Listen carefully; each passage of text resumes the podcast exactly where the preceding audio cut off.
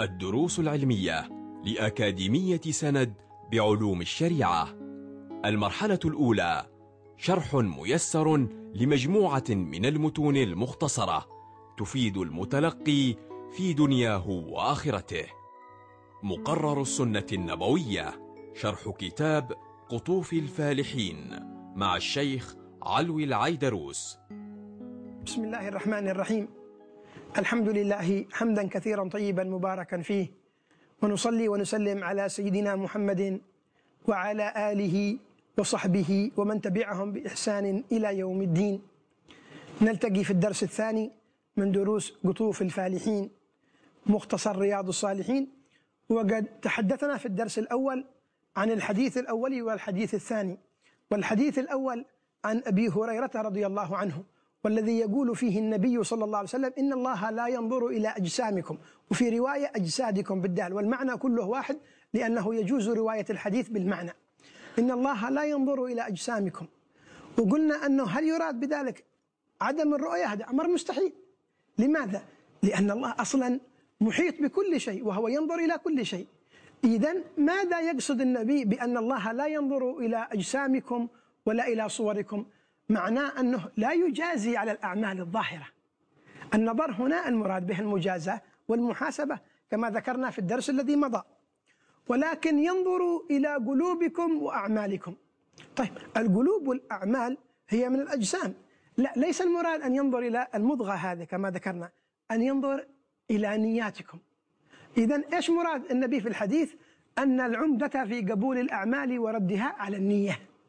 على نية نية الإنسان.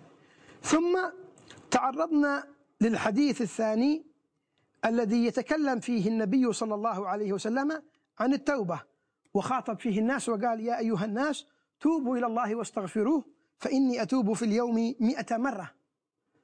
وقلنا أن مراد النبي أن مراد النبي صلى الله عليه وسلم بيا أيها الناس خطابه للبعيد والقريب. يخاطب حتى الكفار؟ نعم يخاطب حتى الكفار. كيف يتوبون؟ يتوبون من كفرهم يرجعون إلى هداية الإسلام ونور الإسلام. ويخاطب المؤمنين ليبتعدوا عن الذنوب ويتوبوا من الذنوب التي وقعوا فيها. أيضا ذكرنا مسألة الاستغفار. كيف يستغفر النبي وهو أصلا معصوم عن الوقوع في الذنب؟ فعن ماذا يستغفر؟ وذكرنا أقوال أهل العلم وقلنا إن أجملها ما ذكره من؟ ما ذكره الإمام الغزالي. إيش قال الإمام الغزالي؟ قال الإمام الغزالي أن النبي في كل نفس من أنفاسه يرتقي إلى مرتبة أخرى فإذا ارتقى إلى مرتبة استغفر الله عن المرتبة التي قبلها. وذكر بعضهم أنه يستغفر الله من المباحات وأنه تشريع لأمته وهكذا. هذا ما كان معنا في الدرس الأول. الحديث الثالث عن أبي موسى عبد الله بن قيس الأشعري رضي الله عنه عن النبي صلى الله عليه وآله وصحبه وسلم قال إن الله عز وجل يبسط يده بالليل ليتوب مسيء النهار. ويبسط يده بالنهار ليتوب مسيء الليل. حتى تطلع الشمس من مغربها. رواه الإمام مسلم.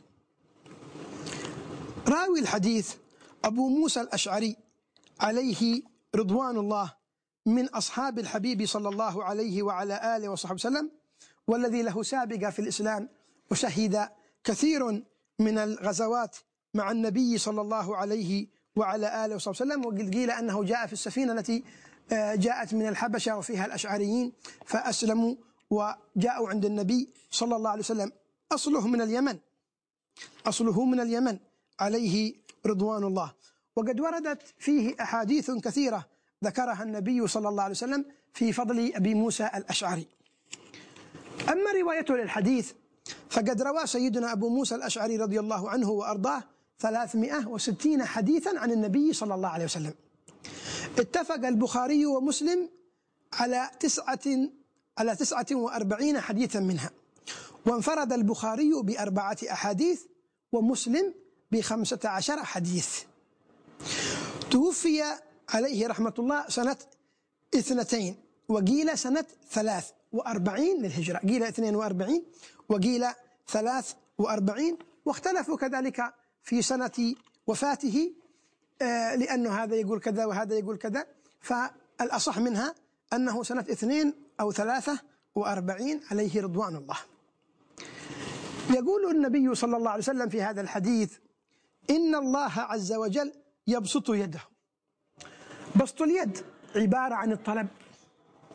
لأن عادة الناس إذا طلب أحدهم شيئا من أحد بسط كفه. فالحق سبحانه وتعالى يطلب من عباده التوبة. توبوا تفضلوا. هل هو يحتاج إلى توبتهم؟ لا. الله غني. لكن لأنه يريد لهم الخير. فلما أنه يريد لهم الخير يقول لهم توبوا تفضلوا يبسط يده. يده مبسوطة. وهو كناية أيضا عن كثرة مغفرته. كناية عن كثرة رحمته. هو الآن يريد أن يرحمهم يريد أن يتعطف عليهم. يطلب منه الرجوع إليه. أيضا هو عبارة عن الجود والتنزه عن المنع. إذا جاء إنسان عندك أريد منك كذا تفضل تبسط يدك. هذا على على الجود. وأنك ستتنزه عن المنع لن أمنعك. أريدك في طلب تفضل تحت أمرك. هكذا يتعاملون البشر يتعاملون العرب. فعبر لهم النبي صلى الله عليه وسلم بلفظ يفهمون منه أن الله سبحانه وتعالى يقبل التوبة. يقبل التوبة متى ما رجعوا إليه. فإذا بسط اليد أيضا رضا أحدهم بالشيء. إن الله عز وجل يبسط يده بالليل ليتوب مسيء النهار. هل معنى هذا الحديث أن الله سبحانه وتعالى لا يغفر للمسيء بالليل إلا إذا أصبح النهار أو لا يغفر للمسيء بالنهار إلا إذا أمسى الليل؟ لا. لكن مراد الحق سبحانه وتعالى ومراد النبي صلى الله عليه وسلم عن الحق استمرار قبول التوبة. أي أن يده مبسوطة في كل وقت. سواء كان تاب في الليل أو تاب في النهار فإن الله سبحانه وتعالى يقبل التوبة عن عباده ويعفو عن السيئات. ليس المراد نقل التوبة بالليل ليتوب مسيء النهار ولا العكس.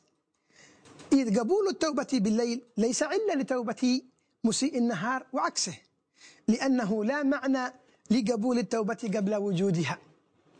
لكن إذا تاب الإنسان قبله الله إذا أراد النبي أن يبين لنا أن الله يبسط يده بالليل يبسط يده بالنهار. يعني باب التوبة مفتوح تفضلوا. باب التوبة مفتوح لا يغلق إلى قيام الساعة.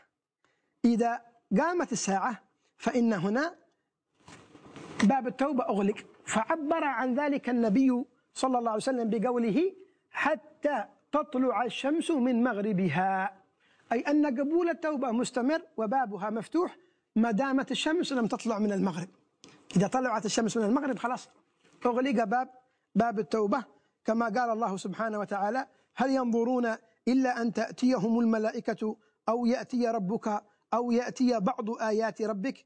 يوم يأتي بعض آيات ربك لا ينفع نفسا إيمانها. لم تكن آمنت من قبل أو كسبت في إيمانها خيرا. خلاص أغلق باب التوبة. يستفاد من هذا الحديث سعة رحمة الله. كذلك باب التوبة مفتوح ما لم تطلع الشمس من مغربها أو ما لم يغرغر العبد. إذا بلغت الروح الحلقوم خلاص. أغلق باب توبة هذا هذا الإنسان. كذلك إرادة الخير للأمة وفرح الله سبحانه وتعالى بتوبة عبده لأنه يبسط يده. الحديث الرابع عن أبي هريرة رضي الله عنه قال قال رسول الله صلى الله عليه وآله وصحبه وسلم من يرد الله به خيرا يصب منه. رواه البخاري.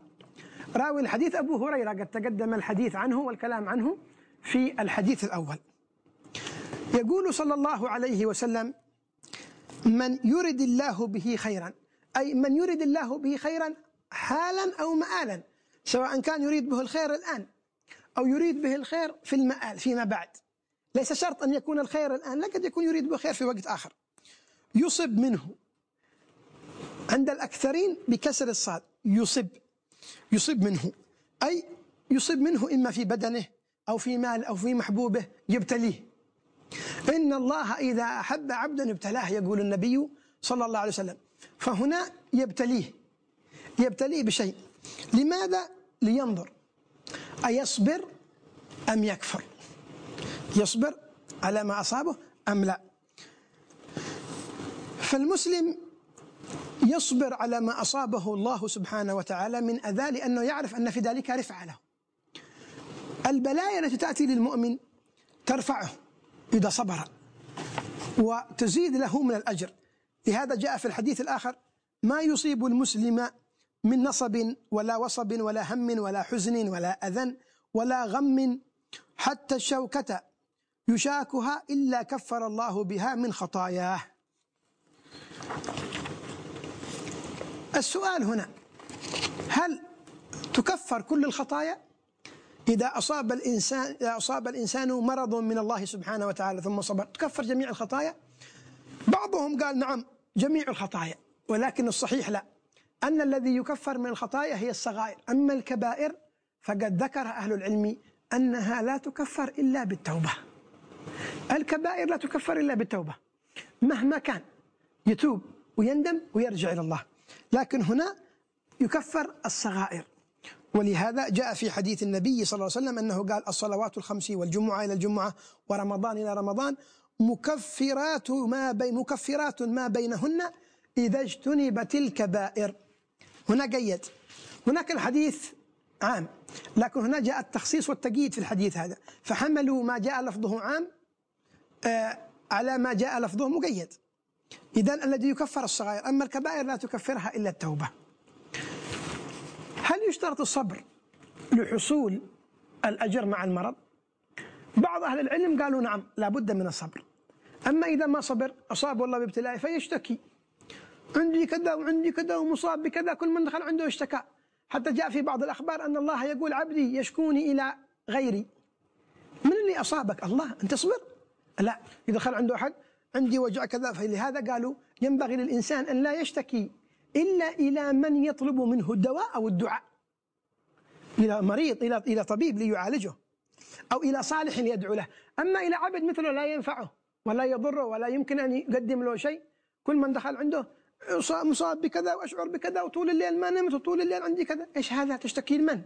تشتكي ربك إلى عبد لكن للطبيب نعم من أجل أن يصرف له الدواء. أو لإنسان يطلب منه يطلب منه الدعاء. وبعضهم قال أن المرض نفسه يكفر الخطايا ولكن لا يعطى الأجر العظيم إلا بالصبر.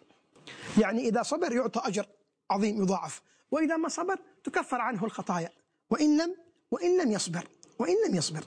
إذا عندنا يتلخص في ذلك أن الإنسان إذا أصابه الله بابتلاءات فصبر ينال الأجر مع تكفير الخطايا. وإذا لم يصبر تكفر عنه الخطايا على القول الآخر الذين لم يشترطوا الصبر لكن قالوا أنه لا يعطى أجر أعظم من أجر تكفير الخطايا. لا يزاد في ذلك. يستفاد من الحديث أن أمر المؤمن كله خير. سبحان الله. يصاب بهذا خير يعطى خير يمنع من شيء هو خير له. وأن الصبر على الابتلاء زيادة في الدرجات. وأن رحمة الله سبحانه وتعالى بعباده حتى في ابتلاءاتهم حيث يكفر عنهم بها الخطايا قال بعضهم إن الله سبحانه وتعالى يريد للعبد رتبة من الرتب فلا يبلغها فيأتي ساعة الموت ولم يبلغها فيصيبه الله بشدة سكرات الموت حتى يرتقي للدرجة المطلوبة له فيكون فيها. نسأل الله سبحانه وتعالى أن يرزقنا الصبر وأن يجعلنا من الصابرين وأن يجعلنا من أهل الإيمان حقا وأن يتوب علينا توبة نصوحا آمين اللهم آمين. وصل اللهم على عبدك ورسولك سيدنا محمد وعلى آله وصحبه وسلم. والحمد لله رب العالمين. كنتم مع الدروس العلمية لأكاديمية سند بعلوم الشريعة.